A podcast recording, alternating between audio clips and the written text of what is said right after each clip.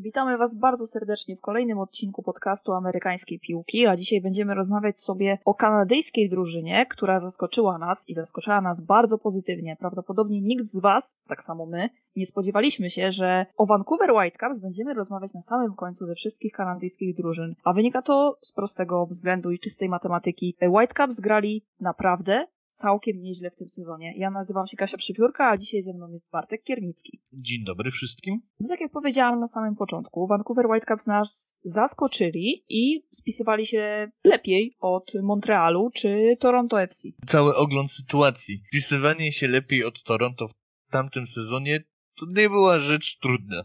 Tamten zespół to był nie fatalny. była, ale jakbyśmy sobie powie powiedzieli przed startem sezonu, że Vancouver Whitecaps będzie dużo, dużo lepszy od Toronto FC, no to chyba byśmy tak delikatnie zasugerowali komuś wizytę u jakiegoś kolegi i może odprężenie się i jakiś relaks, bo to nie wyglądało na jakąś mądrą tezę. To prawda.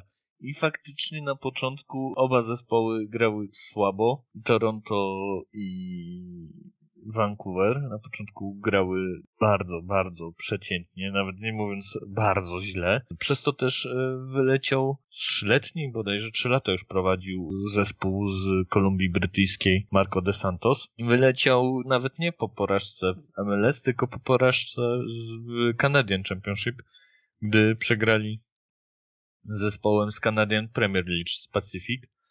To już była pełna czara goryczy Podpowiem, było to pierwsze spotkanie derbowe pomiędzy dwoma zespołami, które dzieli tylko Zatoka, bo Pacific FC istnieje. Mam nadzieję, że jeszcze będzie istnieć. To taki inside info e, na wyspie Vancouver. Jest Zatoka, jest miasto Vancouver już na lądzie. I tam jest właśnie e, e, Vancouver Whitecaps. No i w pierwszym spotkaniu w historii Pacific istnieje 3 lata. Pierwszy raz grali ze sobą, no i dostał Vancouver Whitecaps Bęcki. No i to już przelało wypełnioną po brzegi czarek goryczy i Kanadyjczyk portugalskim pochodzeniem został wywalony. Zastąpił go Vanni Sartini. To był po prostu niesamowity strzał w dziesiątkę. Ja już mogę słuchaczom podpowiedzieć, że ja z Kasią jesteśmy w, w fanklubie tego trenera Wręcz jesteśmy pierwszymi fanami go w Polsce, być może też w środkowej Europie, jeśli nie całej Europie. To jest hypet e, kompletny, to Kasia jeszcze opowie co i dlaczego, no ale włoski szkoleniowiec odmienił ten zespół e, od połowy sezonu 7 zwycięstw, 5 remisów, tylko dwie porażki, awans do playoffów, no fantastyczny fanta fantastycznie to odpaliło. Co mogę jeszcze powiedzieć? Kilka bardzo dobrych transferów. Chyba najlepszy to był Ryan, Gaud. Nie wiem, na pewno kaleczy jego nazwisko, jeśli to słucha, albo jego znajomi, to przepraszam, przekażcie mu. Ale cóż, no, fantastyczny, fantastyczny transfer. Jeden z głównych architektów poza trenerem z serii bodajże ośmiu albo dziesięciu gier bez porażki. No, fantastycznie wszedł w, w sezon. No jestem fanem, w ogóle jestem fanem Whitecaps, tam dużo młodych piłkarzy przebiło się do pierwszego składu. No cóż tu powiedzieć, ja, przepraszam, że się tak rozgadałem, a ty Kasiu, co uważasz o Whitecaps? Ja się z tobą y, zgadzam po prostu, bo Prawda jest taka, że my sobie tego e, Marka dos Santosa od dłuższego czasu chwaliliśmy, ale też zauważaliśmy, że pomimo takiej ogólnej, dobrej wizji tego klubu i wprowadzaniu całkiem autorytarnych rządów jednak w tym klubie, no to mimo wszystko nie przynosiło to efektów. I to naprawdę z każdym kolejnym konkretnym wzmocnieniem tej drużyny wydawało się, że Niestety, ale to tutaj już nie jest kwestia piłkarzy i tego, że to oni nie dojeżdżają, a raczej trenera, który no, w pewnych kwestiach na pewno nie miał racji. Też y, trzeba jednak sobie jasno powiedzieć, że mm, Sartini miał dosyć y, ciekawy, ciekawe wejście do, do tej drużyny, bo on po prostu ją bardzo dobrze znał. Y, on był w sztabie Marco dos Santosa, więc znał od podszewki te wszystkie rzeczy i widział, co nie wypaliło w planie poprze swojego poprzednika i starał się to naprawić. Ale też, y, tak jak właśnie powiedziałeś o tych transferach, no to Galut wiadomo, był całkiem, całkiem fajnym piłkarzem, który szczególnie w tej końcówce sezonu, no robił robotę. ale przede wszystkim chciałabym wyróżnić Briana White'a. Pamiętam, że jak on przychodził z New York Red Bulls, oczywiście to był trade po tym, jak Patryk Klimala dołączył do Czerwonych Byków. Okazało się, że jest tam zbyt wielu napastników, trzeba się kogoś pozbyć. No to właśnie pozbyli się Briana White'a, który został wytradowany do Vancouver Whitecaps i pamiętam, że wtedy mieliśmy takie mieszane uczucia, ale powiedziałam coś w stylu, że a, w Red Bulls było go za dużo, ale to nie jest gość, który nie potrafi całkowicie grać w piłkę, więc kto wie, może tutaj odpali. No i okazało się, że odpalił, bo on tych goli strzelał całkiem sporo. Ja muszę się bić w pierś, bo ja byłem bardzo sceptyczny. Znaczy, Brian White miał przebłyski już w Red Bullach, ale no to był dość dużej, dużo, wysokiej kwoty trade. Tam dość dużo za niego Caps e, dało. Dla mnie, moim zdaniem, wtedy uważałem, że przepłacili i no, okazało się, że jednak Caps trafili. Co jest jeszcze bardzo ciekawe, jeśli chodzi o różne trady, to jeszcze fajny był bardzo Dajome, bodajże Wenezuela albo Kolumbia. Skrzydłowy, to też był świetny e, świetny piłkarz. Jano Bajkel, Kajsado, no to naprawdę kilku fajnych piłkarzy. Co ciekawe, jednym z, z, ciekawszych rzeczy było to, że przez to, że jedna z gwiazd Whitecaps z sezonu wcześniejszego, czyli w 2000 20. Ali Adan nie zagrał w tym sezonie żadnego spotkania, bo miał problemy z wizą, żeby powrócić z Iraku do Kanady.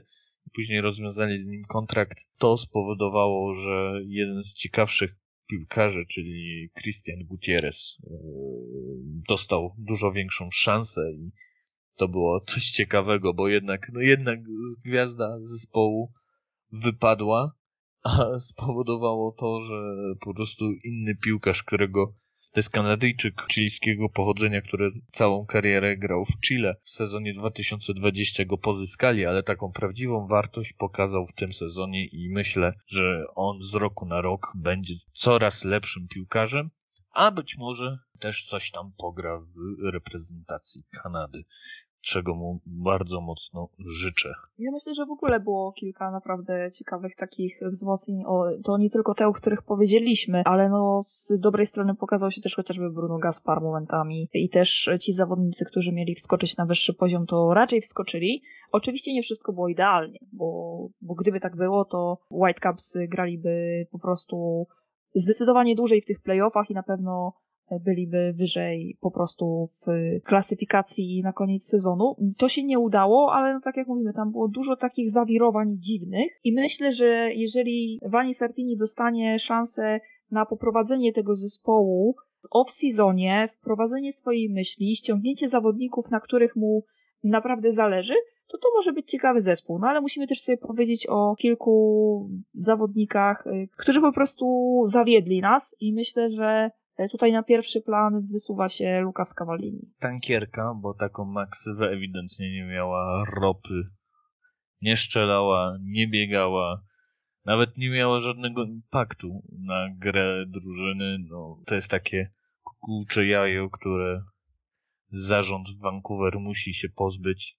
Są dość duże plotki, że wróci do Ligi MX, czego mu życzę, bo ewidentnie tam mu się lepiej grało no i niech zwolni miejsce DP. Wydaje mi się, że albo trade wewnątrz ligi może gdzieś indziej się odblokuje, albo powrót do ligi EMI. Ja chyba na miejscu w ogóle jakiejkolwiek drużyny nie chciałabym ściągać takiego gościa z taką kasą i z takim kontraktem, bo jest po prostu, sorry, ale za cienki. Jeżeli nie dał sobie rady tutaj, to wątpię, żeby nagle się okazało, że w jakiś magiczny sposób, za dotknięciem czarodziejskiej różdżki, gracz y, z kontraktem International po prostu odpali w innym zespole, gdzie na pewno nie grałby pierwszych skrzypiec, bo myślę, że już na to się chyba nikt nie nabierze. I też wątpię, żeby... A, zapomniałam o nich. Wybacz. Chicago no tak, Fire. oni się wy wysuwają się na pierwszy plan. Nie no, umówmy się, Chicago Fire to w tym momencie, w tym momencie jest grany potężny trade na linii Philadelphia Union, Chicago Fire i wchodzi cały na biało Kasper Przybyłko. W międzyczasie oczywiście się już pojawiają zawirowania z Karolem Świderskim, więc tu może być naprawdę bardzo grubo. A to oznacza, że na Kawaliniego może się nabrać coraz mniej klubów. No i ale serio. Ale tak, Minnesota ta... cały czas jest w grze. ale tak serio, już nie śmiejąc się, wydaje mi się, że on by odpalił gdzieś, gdzie jest inna kultura po prostu ży życiowa. I być może w takim e, Orlando albo Inter Miami by odpalił, bo to, no, no, to jest piłkarz, który naprawdę potrafi kopnąć, bo pokazało x lat w lidze meksykańskiej. To nie jest jakiś kolej z przypadku, Może który... to jest właśnie, może właśnie powinien wrócić do Meksyku, no nie wiem, tak sobie tylko no dywaguję. Albo też Inter jest Miami opcja, me Meksykiem że... MLS.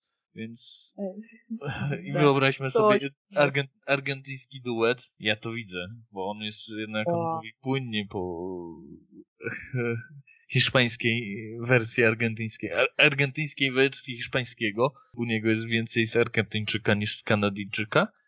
Może Znaczy, właśnie teraz tak sobie zastanawiam się od kilku minut nad tym, że tak w zasadzie to może Lukas po prostu nie udźwignął tej presji, jaka na nim była, bo przychodzi jako Kanadyjczyk, jako DP do klubu kanadyjskiego, który chce się włączyć na dobre w walce e, o jakby może nie tyle bardzo pompatycznie o walkę o dominację w Kanadzie, no bo jednak zawsze ten klub był trochę w cieniu i Toronto FC przede wszystkim, a także Montrealu i tutaj no mocno liczyli na to, że Kawa będzie taką naprawdę wielką gwiazdą. Trochę nie wyszło, i myślę, że tutaj e, trzeba się po prostu go pozbyć, bo no brzmi to brutalnie, ale sorry, jeżeli chcesz jakkolwiek nawiązywać właśnie do tej walki, do rywalizacji, nie możesz mieć sentymentów względem takich graczy na tego typu kontraktach. Po prostu nie możesz.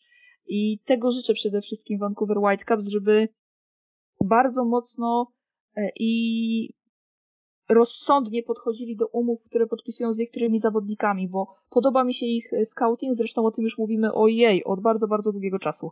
Chwalimy e, Whitecaps za te nieoczywiste kierunki i za to, że skautują naprawdę w dosyć dziwnych miejscach momentami, ale spoko, mnie nie przeszkadza, że ktoś przychodzi z Izraela, że ktoś przychodzi z Bułgarii, e, z Serbii czy z Chile. Jakby, Dla jeżeli mnie to jest znajduje... nawet plus tak, to jest w ogóle świetna sprawa, że jesteś. A oczywiście też Portugalia, bo Portugalia też wjechała w ostatnim czasie naprawdę na taki troszeczkę wyższy poziom. Case Bruno Gaspar chociażby. Więc jest tych zawodników y, troszeczkę z nieoczywistych y, krajów y, i bardzo dobrze, bo to świadczy właśnie o tym, że ten scouting stoi na serio wysokim poziomie, więc w tych Vancouver Whitecaps zaczyna się spinać coraz więcej rzeczy, ale już będąc tak trochę przesądnym, a trochę ostrożnym, serio nie chcę sobie kolejny raz robić jakichś wielkich nadziei, bo pamiętam, że w ogóle w naszych rozmowach też jakoś przeważała taka minimalna nawet ekscytacja tym, co się dzieje w Vancouver Whitecaps i co się e, tam miało stworzyć zapanowania Dos Santosa, a co się nie stworzyło i przez to się naprawdę troszeczkę zawiedliśmy. Oczywiście teraz daję do bardzo, bardzo duży kredyt zaufania e, Sartiniemu i wierzę, że on to udźwignie. Ja jestem hiperfanem. Musi musi i to... To jest w ogóle fantastyczny trener. Powiedz coś o nim więcej, bo jak ja tutaj się rozgadam, to mnie nie zatrzymasz, więc naprawdę oddaję tobie głos. To jest taki dobry wujcio chmiel. To nie wiem, no, dla starszych... nie wiem, czy to... Nie wiem, dla starszych to... słuchaczy myślę, że będą wiedzieli o co chodzi. No, jeśli nie, nie, to po prostu to jest taki dobry wujeszek, uśmiechnięty, ma bardzo nieszablonowe podejście do, do piłkarzy i do całego z stafu, że się tak wyrażę. Jest uśmiechnięty, ale potrafi być też liderem. Nie pamiętam z kim grali, ale w połowie spotkania przegrywali bodajże 2 do 0 i było takie nagranie już po meczu, jak on przemawia skończyło się bodajże chyba 3-2 i to było takie wow, taki, takie przeistoczenie się w, tak, takiego misiaczka i takiego człowieka, którego każdy by chciał mieć koło siebie, gdy jest gorszy czas. Taki przytulak zmienił się w takiego lidera na pełnej i po prostu wykręcił tych piłkarzy, że po prostu grali na 120%. No, no jestem fanem. To też samo to, jaką on ma bardzo dużą wiedzę poza piłkarską. Jak bardzo potrafi wchodzić w takie niuanse i szczegóły ważne dla piłkarzy, szczególnie, no powiedzmy, że w danych regionach. On potrafi naprawdę rozmawiać z zawodnikami i to jest kluczowe, bo co innego do nich mówić. Ty zawsze możesz do nich mówić, możesz świetnie wyjaśniać swoją taktykę, ale zupełnie co innego, jeżeli ty z nimi rozmawiasz i przede wszystkim masz z nimi o czym rozmawiać. A to jest koleś tak niesamowicie elokwentny i inteligentny, że wow. Po prostu, jeżeli macie taką możliwość, to sobie zerknijcie na jego Twittera, bo z jednej strony to właśnie tak jak Bartek mówi, on jest mega wyluzowany i sprawia takie wrażenie fajnego gościa, z którym chcesz pogadać, ale jeżeli ty chcesz z tym gościem pogadać też o poważnych tematach, to uwierz mi, że może mieć na ten temat dużo większą wiedzę niż ty. A z takich młodych piłkarzy, kogo byś powiedziała, że zapewne go zobaczymy pierwszego w przyszłości w MLS? Tfu, w MLS za wielką kałużą, czyli w Europie. Powiem ci szczerze, że no mam jakieś pewne wątpliwości i czy tutaj jest taki gracz, który z miejsca wchodzi do Europy. Chyba go na ten moment nie widzę, szczerze mówiąc. Jeżeli już, no to ten bramkarz Thomas Hassal, to on pewnie, pewnie będzie się przynosił do, do Europy. A drugi taki piłkarz to może być Dejber Caicedo, jeżeli wskoczy na wyższy poziom, bo on wciąż jest relatywnie młodym zawodnikiem. To 21-letni Kolumbijczyk, to był jego pierwszy sezon MLS. E, cóż, no zagrał w większości spotkań Whitecaps, 5 goli, 5 asyst czy 7. E, bardzo fajny piłkarz. Ja jestem, no, dla mnie to kolejny przyraz przykład, że po prostu potrafią znaleźć złoto pod kamieniem. I moim zdaniem on może zostać wytradowany albo jakiegoś mocniejszego zespołu w MLS, albo po prostu z, do Europy. Drugim piłkarzem, którego bym widział w Europie, może nie w top 5, ale w Holandii, Belgii to jest Michael Baldismo. To jest Kanadyjczyk. O tak, okej, okay, okej. Okay. No to ale bo Baldismo też jest spoko. A Raposo? Co myślisz o Raposo? Bo on był takim, miał być takim koksem y, z draftu, i na razie mam wrażenie, że jeszcze Je, nie. Jeszcze, nie odpalił, nie. jeszcze nie, jeszcze. ale no to był piłkarz, którego Whitecaps chyba wyjmowało przed Dajkiem. To tak dla skali, bo to miał być taki koks. E, no, ma przybłyski, ale to jeszcze nie ten moment. To e, nie każdy piłkarz łatwo przechodzi z piłki uniwersyteckiej na piłkę profesjonalną. A wracając do Baldizmo, no ja go już widzę w Europie. Rosja, Portugalia, Holandia, Belgia. To ten poziom dla mnie za rok, za dwa. Ja jestem ciekawy, kto go wyjmie, jeśli chodzi o reprezentację, czy Kanada, czy Filipiny, bo on i jego brat, który zresztą gra w przeciwnej drużynie, czyli w Baldizmo, tfu, w Pacyfiku, to, to Nie no, prostu... możemy stworzyć nową, nową drużynę, spoko. Ja, ja lubię takie, to, ale ty naprawdę, to wyszło, to, to jest coś, co zapamiętam z tego podcastu i z tej rozmowy. Bo trzeba pamiętać, że to jest właśnie jeden brat gra w Pacyfik, czyli też drużynie z Vancouver, tylko z wyspy, a drugi gra dla tych z e, kontynentu, co jest dość zabawne. No i co można powiedzieć? No, obaj są fajni, no. I o, o, obojgu chciałbym zobaczyć, żeby dostali powołanie do Filipin. Tam ich się będzie łatwiej przebić i no czekanko na to, powiem szczerze. Także zapisujcie, jeżeli nam y, oczywiście coś nie wyjdzie, to, y, to wtedy to nie my. Wtedy to nie my. Ale jak coś, to wiadomo, y, kto pierwszy mówił y, o drużynie Baldismo. Kłaniamy się i liczymy, za, że... Za, za, 20, że za, za 20 lat y, bracia Baldizmo zakładają swój klub w Kolumbii Brytyjskiej, żeby rywalizować w drugiej lidze Canadian Premier League Second Division. Widzę to.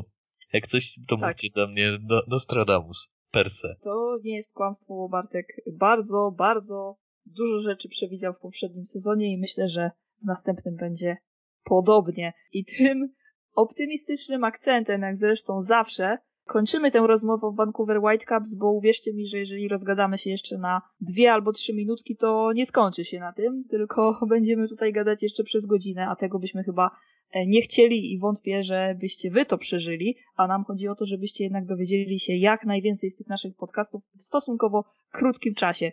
Do usłyszenia w następnym odcinku. Dziękuję Ci Bartkowi Kiernickiemu. Dziękuję, miłego wieczorku albo poranka. W kolejnym odcinku będziecie mogli dowiedzieć się czegoś więcej o sezonie w wykonaniu Atlanty United, więc serdecznie zapraszamy.